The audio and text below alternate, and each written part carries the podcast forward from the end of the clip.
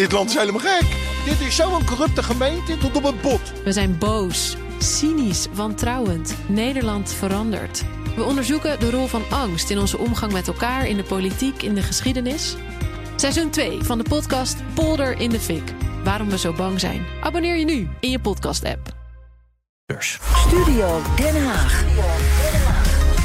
111 miljard euro. Ja, over dat enorme bedrag mocht de Tweede Kamer zich buigen na het behandelen van de bij het behandelen van de begroting Sociale Zaken en Werkgele- Werkgelegenheid.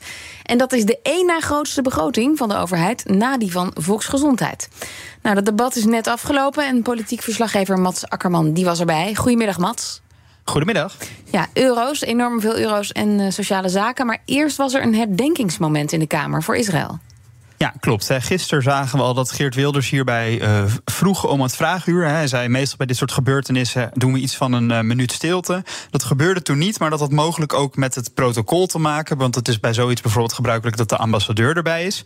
Nou, vandaag was de Israëlische ambassadeur aanwezig in de Tweede Kamer. En dus waren er ook wat woorden over de situatie van premier Rutte. Vandaag past respect voor de nagedachtenis van alle slachtoffers van de aanslag en steun voor hun nabestaanden. Vandaag past een moment van stilte. In de hoop. De hoop waarvan ik gisteren een sprankje voelde.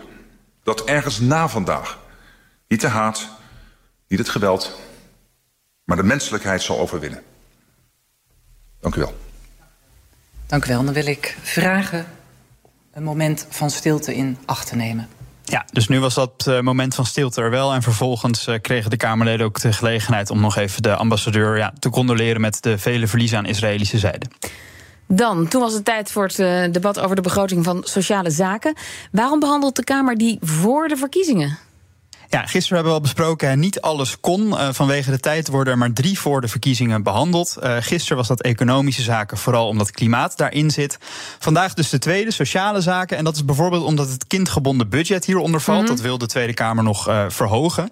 Om aan de koopkracht van mensen tegemoet te komen. Hè. Koopkracht zit ook op dit ministerie. En ook armoedebestrijding, die 2 miljard extra om de mensen die door het ijs dreigen te zakken te helpen. dus daarom wordt het nu behandeld. Maar dat gaat dus ook over de plannen voor de arbeidsmarkt, voor de pensioenen. Nou, je zei het net al, de grootste begroting. En daarom uh, ja, heeft de Kamer daar vandaag vragen over gesteld aan de twee betrokken ministers. Van Gennep en Schouten zijn dat dan? Ja, klopt. Maar je hoorde vandaag vooral een herhaling van zetten, zei je dat nou?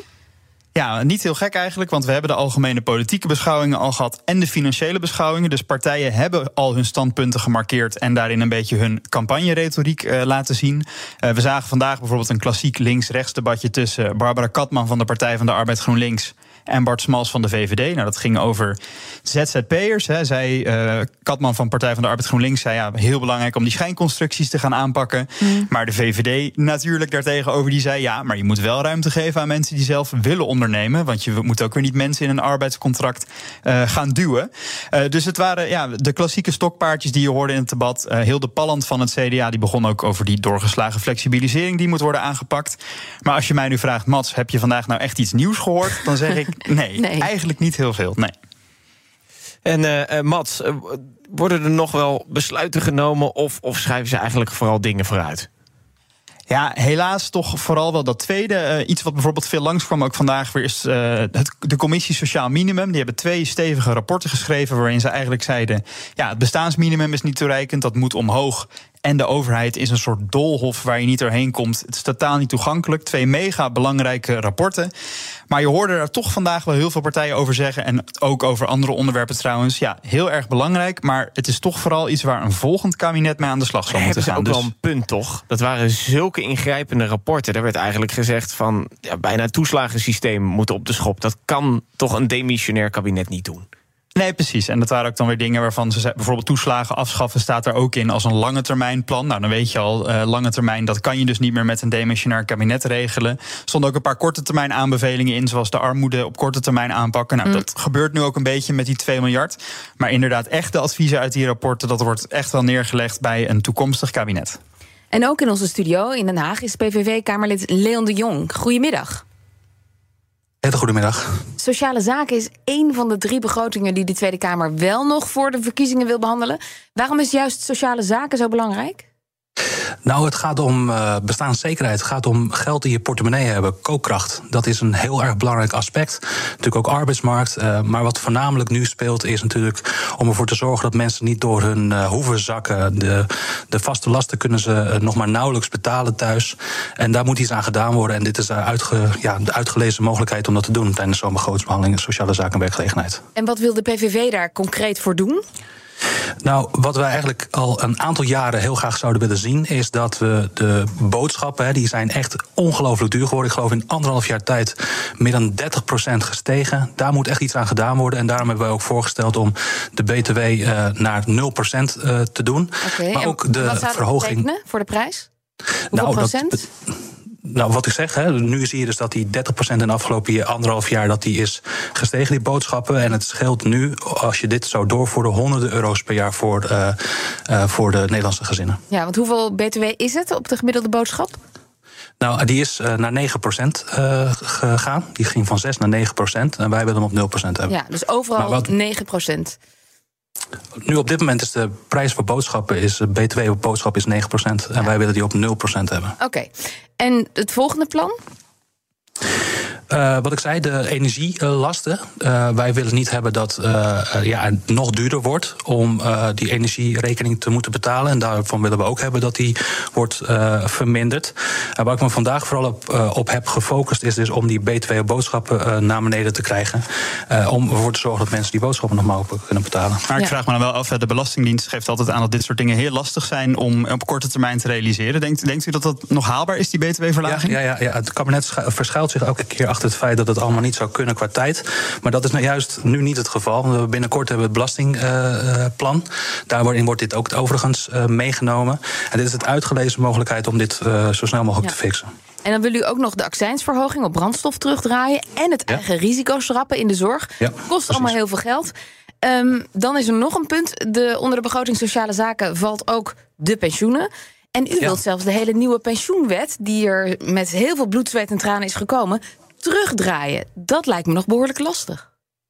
Nou, dat valt op zich wel mee. Uh, wat we zien is dat het afgelopen jaar is dan die uh, casino-pensioen. Dat is een verschrikkelijk pensioenstelsel. Het zorgt er namelijk voor dat we gaan casino, gokken met 15... Casino ja, casino, casino-pensioen. Wat we namelijk doen is dat we gaan gokken met 1500 miljard euro aan pensioenvermogen. Het pensioen wordt nog meer afhankelijk van de grillen van de beurs. En dat zouden we natuurlijk niet moeten willen. En alle zekerheid is nu, met die nieuwe wet wordt die, uh, ja, wordt die geschrapt. Dus totaal geen zekerheid meer. En dat willen wij ja, gaan herstellen natuurlijk. Wat wij willen is dat we het huidige stelsel uh, behouden en verbeteren waar nodig. En een van de dingen die je dan natuurlijk moet doen, is om ervoor te zorgen dat die rekenrente, dat het een reële rekenrente wordt. Ja. Zodat er op een normale manier wordt uh, berekend hoeveel uh, pensioen je moet uitkeren uiteindelijk. Het zijn allemaal ambitieuze plannen en de PVV wil daarmee dus de bestaanszekerheid garanderen. Um, ja, dan even naar de rekening. Waar wordt dat geld dan vandaag gehaald? Hoe gaat u het dekken? Ja, dat is een hele goede vraag. En uh, die hebben we ook meermaals hebben we die uh, beantwoord. Uh, er wordt nu 60 miljard euro vrijgespeeld voor klimaat en stikstof. Daarvan zeggen wij, gebruik dat geld om deze plannen te financieren. Daarnaast vinden we ook dat ontwikkelingshulp, dat we daarmee moeten stoppen. En dat dat geld ook moet worden besteed aan ah. bestaanszekerheid. Dus klimaat en, en stikstof, dat ziet de PVV dan niet als probleem waar iets aan gedaan moet worden? Nou, wat wij zien is dat er nu 60 miljard euro wordt vrijgespeeld aan klimaat en stikstof. Terwijl de mensen thuis hun boodschappen niet kunnen betalen of een energierekening niet kunnen betalen. Het is echt heel ernstig. Hè? Um, 60% van de Nederlanders uh, heeft het heel erg moeilijk met, uh, met rondkomen, maken zich grote zorgen. We hebben 830.000 mensen uh, die uh, in armoede leven hier in Nederland. 400.000 mensen die in um, ja, onzichtbare voedselnood verkeren. En dan gaan wij een beetje geld vrijmaken. 60 miljard euro voor klimaat en stikstof. De mensen hebben nu het geld nodig. En wij zeggen dus ook: gebruik dat geld voor de bestaanszekerheid van, uh, van burgers die maar, nu heel erg lastig hebben. Maar voor armoedebeleid is al extra 2 miljard uitgetrokken, toch? Ja, dat is ook een hele mooie. Uh, wat ze namelijk eerst hebben gedaan is 9 miljard euro afpakken. Er stopt namelijk een pakket van 9 miljard euro. En nu geven ze van die 9 miljard euro die ze eerst terughaalden, daarvan geven ze 2 miljard euro terug. Dus uh, ja, wellicht uh, kan daar de focus op liggen. ik vroeg me nog af, u zegt ook snijden in ontwikkelingssamenwerking. Uh, maar u wilt aan de andere kant ook niet dat er meer asielzoekers deze kant op komen. Bent u niet bang dat dat een mogelijk negatief gevolg gaat zijn van uw plan? En dat we uiteindelijk uh, meer asielzoekers krijgen in plaats van minder? Nee hoor, op het moment dat je gewoon uh, een goed grensbeleid hanteert en zegt paal en perk te stellen, hoeft dat helemaal niet te raken. Wij vinden dat dat geld wat nu naar de bodemloze put die Afrika heet, wordt weggesmeten, dat we dat geld beter kunnen besteden aan onze eigen mensen. En wat ik inderdaad net al zei, hè, over die, uh, die 9 miljard euro van het kabinet, dus uh, daar stoppen ze nu mee. Ze stoppen met de prijsplafond, stoppen met de energietoeslag, ze stoppen met uh, de zorgtoeslagverhoging, ze stoppen met uh. Dat is 9 miljard euro. En wij willen dus daarvan zeggen: ja, dat, dat kan je niet maken. Je moet dat geld gewoon wel teruggeven aan de nou. mensen. Ja, die bodemloze put, dat zijn woorden voor uw rekening. Er gebeurt heel veel, ook in het kader van de energietransitie op het continent Afrika. Mats, tot slot, hoe gaat dit nu verder? Ja, um, ze gaan het deze week afmaken. Dus gisteren was deel 1 van de begroting Economische Zaken, waarbij de Kamer aan het woord kwam. Vandaag gebeurde dat met Sociale Zaken. En morgen komt dan uh, eigenlijk deel 2 van allebei die begrotingen. Dus dan gaan alle ministers van die ministeries uh, alle vragen die vandaag en gisteren uh, gesteld zijn beantwoorden. Dan krijgen we daarna nog één begroting. dat is die van Binnenlandse Zaken. En dan, ja, waarom wordt die nou ook nog behandeld? Nou, een van die dingen om de koopkracht van mensen een beetje in stand te houden is de huurtoeslag. Die moet nog omhoog. En dat komt bij dat ministerie vandaan. Maar dat wilden ze dus daarom nog behandelen. Maar je merkt aan alles hier toch wel. Uh, het is een beetje aan het opdrogen. Het verkiezingsreces begint over 2,5 week. Uh, vandaag is er veel gesproken over bestaanszekerheid. Maar de man van dat woord, Pieter Omzicht, die had zich uh, vandaag en morgen al voor het debat afgemeld. Die is waarschijnlijk druk bezig met het opstarten van de campagne en zijn team daarvoor klaarmaken. maar dit zijn de laatste dingen die nog worden afgerond. En dan zullen we toch gaan zien dat de partijen echt vol campagne gaan voeren. In de campagnemodus. Dank. Politiek verslaggever Mats Akkerman en ook PVV-Kamerlid Leon de Jong. Ook Harm Edens vind je in de BNR-app. Je kunt BNR Duurzaam niet alleen live luisteren in de app, maar ook terugluisteren als podcast, zoals al onze podcasts. En naast dat de BNR-app Breaking News meldt, houden we je ook op de hoogte van het laatste zakelijke nieuws. Download nu de gratis BNR-app en blijf scherp.